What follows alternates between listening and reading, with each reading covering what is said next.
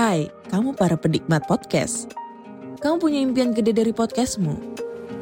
Terus First Story bisa banget bantu kamu. Mulai dari F-Link, Dynamic Audio Insertion, sampai statistik yang komprehensif. Semua ada di First Story. Gak ketinggalan kamu bisa monetisasi podcastmu lewat iklan dari First Story Ads yang bisa kasih kamu penghasilan dari setiap place podcastmu. Yuk gabung sekarang dengan klik di firststory.me.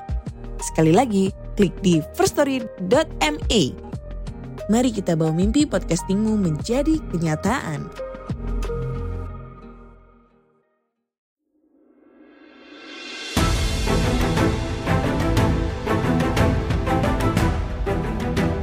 Di podcast Cerita Sejarah Islam episode sebelumnya, kita sudah belajar mengenai cara memandang harta dunia bagi seorang muslim.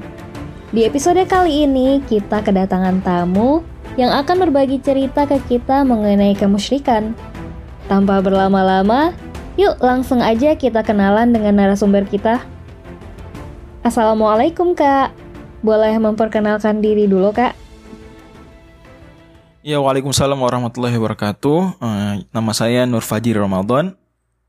Saat ini semester akhir di King Abdulaziz University Jeddah. Departemen Islamic Law and Studies, jurusan uh, Judicial Studies, studi peradilan.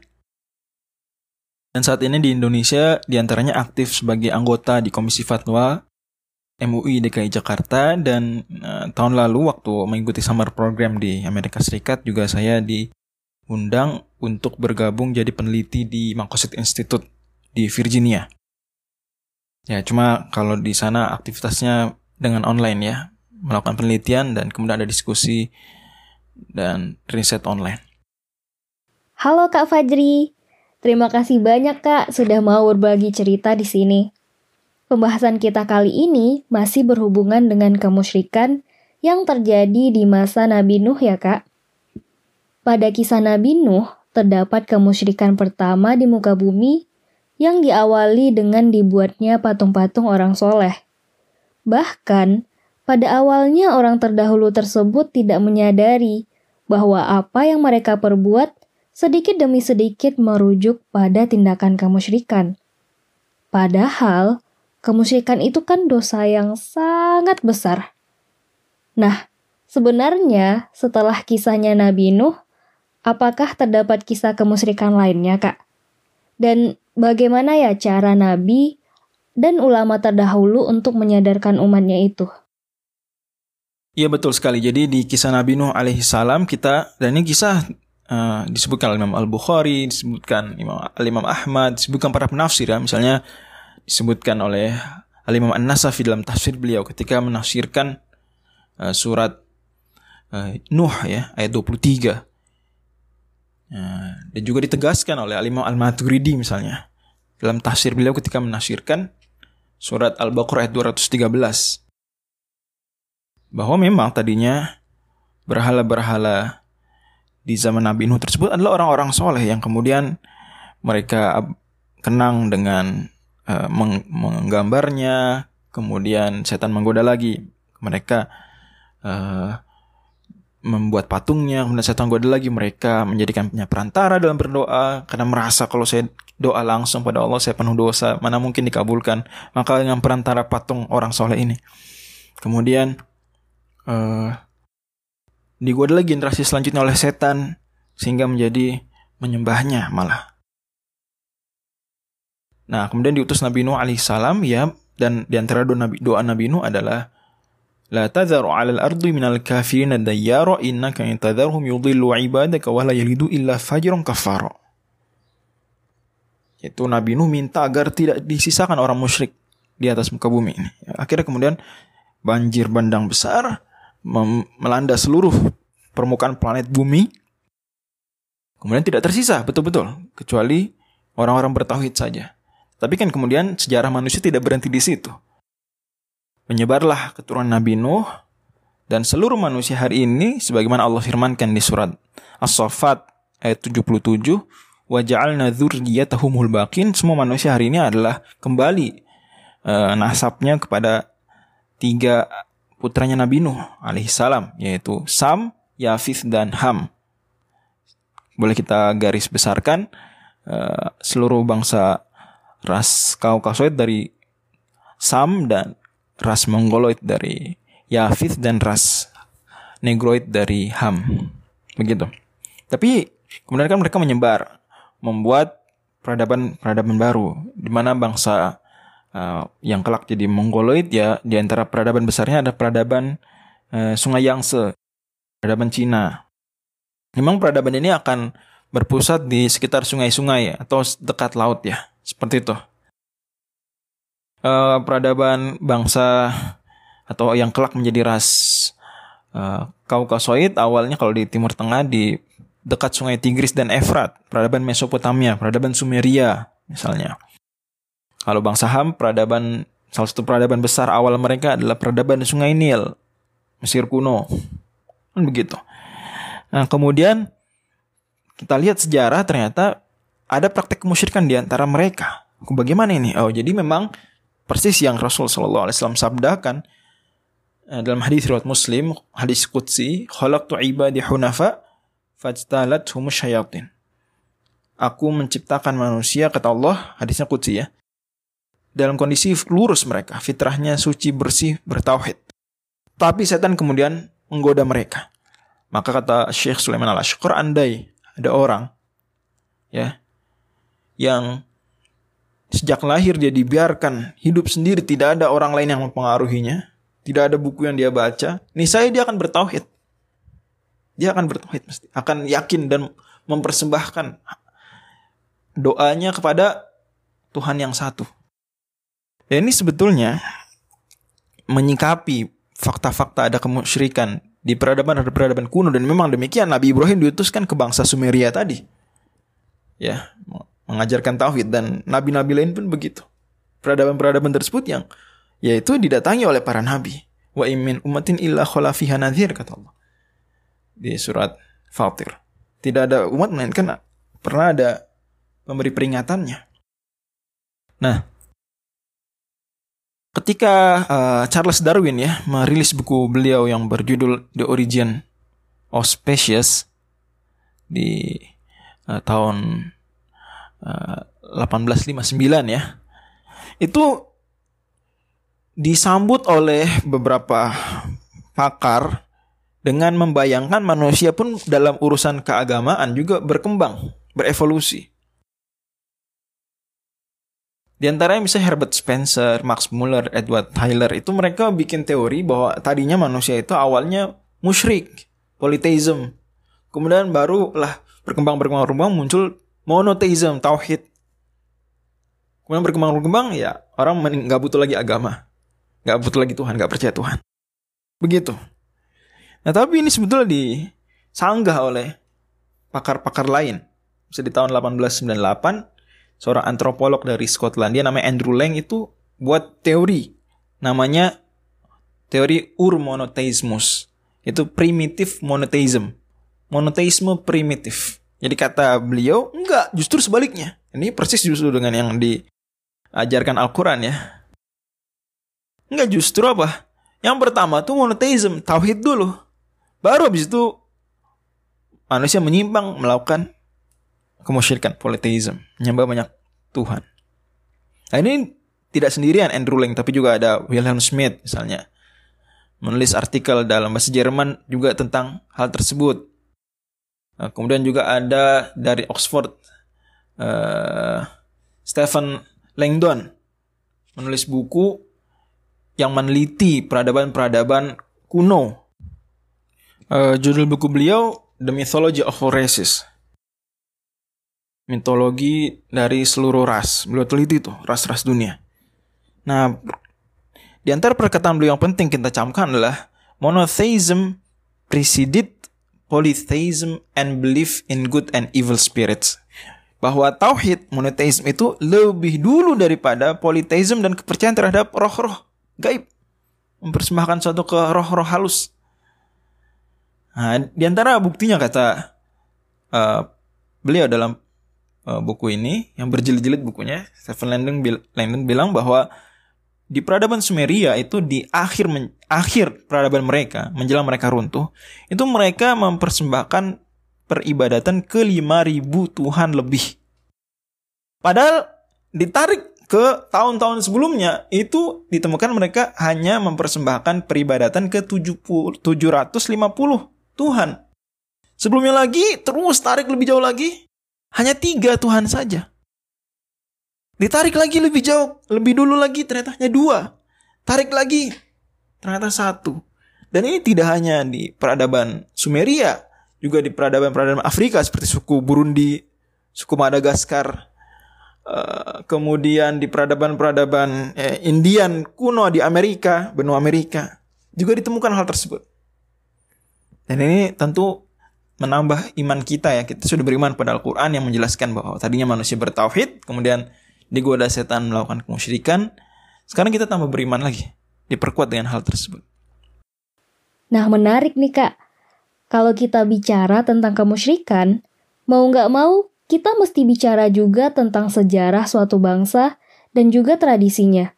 Seperti contohnya tadi, kayak sejarah bangsa Sumeria, dari yang awalnya hanya menyembah satu Tuhan, seiring berjalannya waktu dan pertumbuhan bangsanya, tiba-tiba bangsa Sumeria jadi menyembah 5000 Tuhan.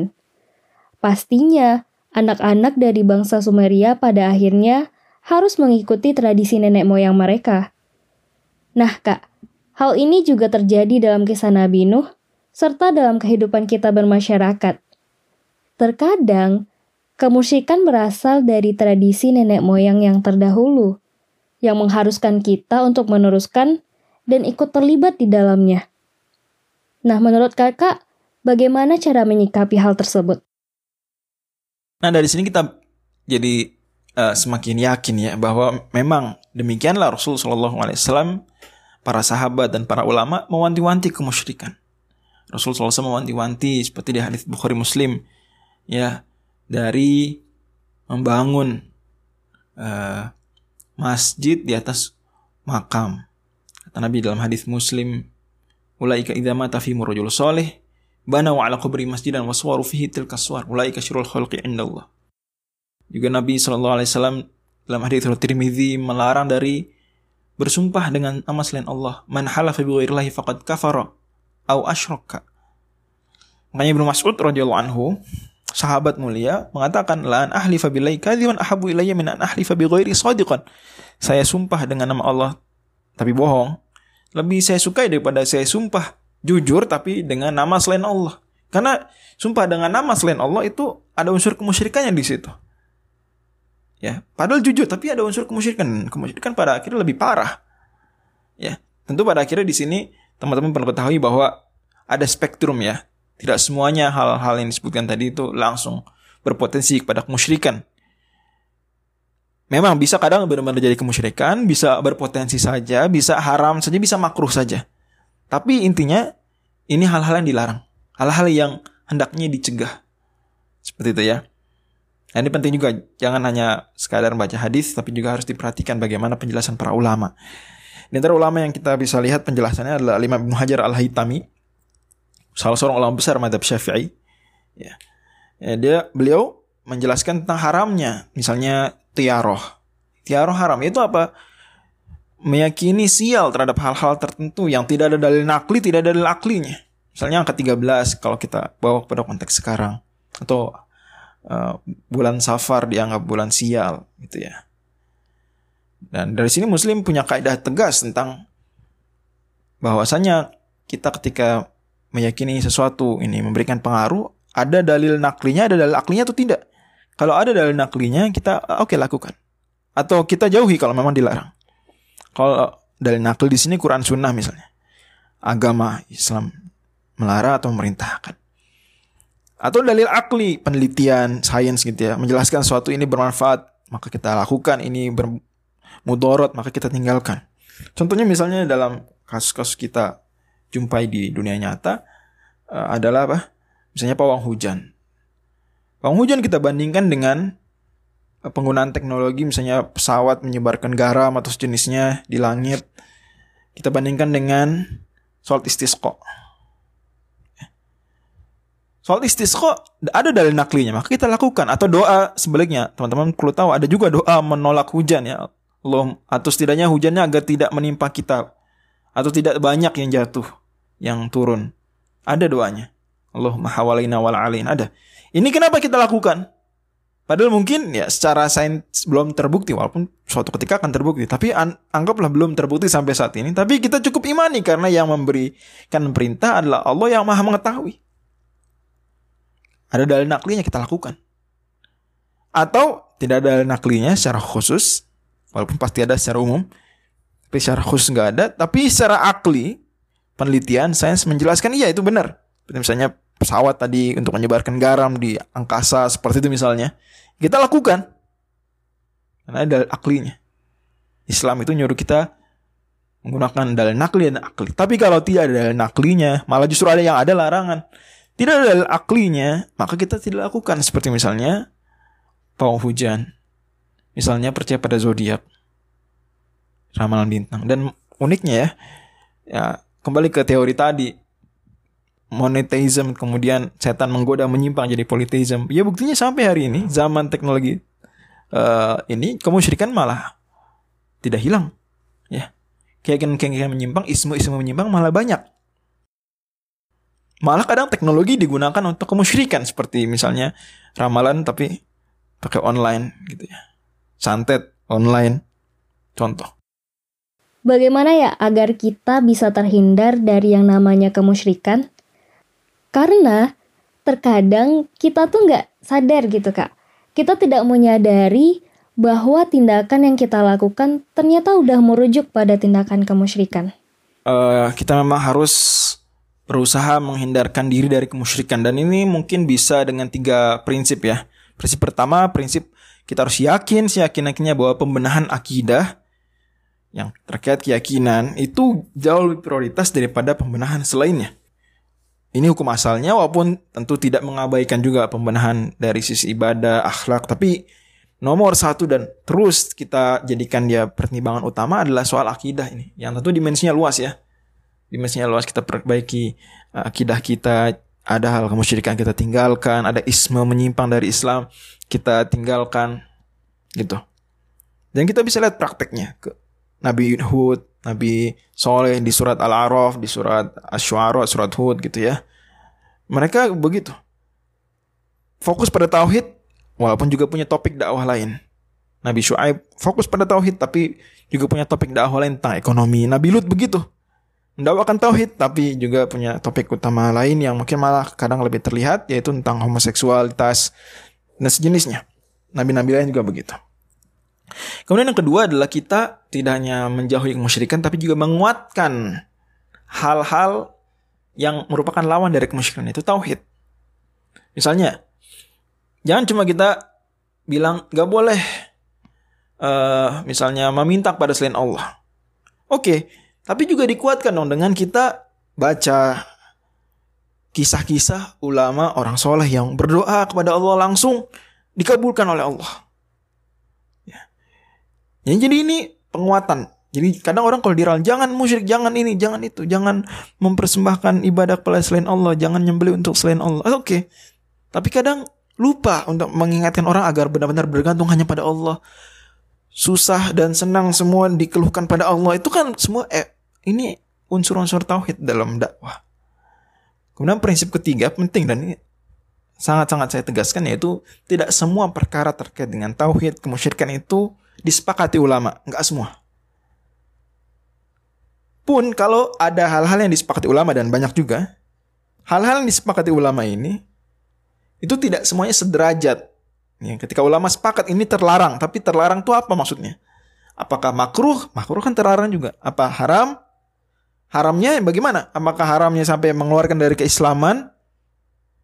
Ataukah haram tidak mengeluarkan dari keislaman? Ini ada spektrumnya. Semua tidak sederajat. Jadi penting. Ya. Jadi, dan tidak benar kalau kita katakan semua orang yang melarang-larang kemusyrikan kamu ekstrim. Enggak lah. Karena ada hal-hal yang mengatur semua sepakat, semua ulama sepakat itu harus dilarang dan itu kemusyrikan. Gak bisa kita bilang melarang dari kemusyrikan ekstrim. Di sisi lain juga kita nggak bisa bilang ada orang yang membolehkan sesuatu yang kita atau orang lain pandang. Ada ulama memandang itu menjerumuskan kepada kemusyrikan kita bilang oh kamu berarti penganjur kemusyrikan. Enggak. Memang ada hal-hal yang diperselisihkan dan yang disepakati pun spektrumnya beragam. Itu dia walau besok. Perlu diingat lagi nih teman-teman, untuk terhindar dari yang namanya kemusyrikan, gak hanya dengan menjauhi kemusyrikannya aja, tapi juga harus dibarengi dengan menguatkan hal-hal yang bisa membuat kita terjauh dari kemusyrikan, yaitu tauhid. Nah, perjumpaan kita di episode 9 serial kisah Nabi Nuh cukup sampai di sini ya. Di episode selanjutnya, kita masih akan berbincang dengan Kak Fajri. So stay tune ya. See you. Wassalamualaikum warahmatullahi wabarakatuh.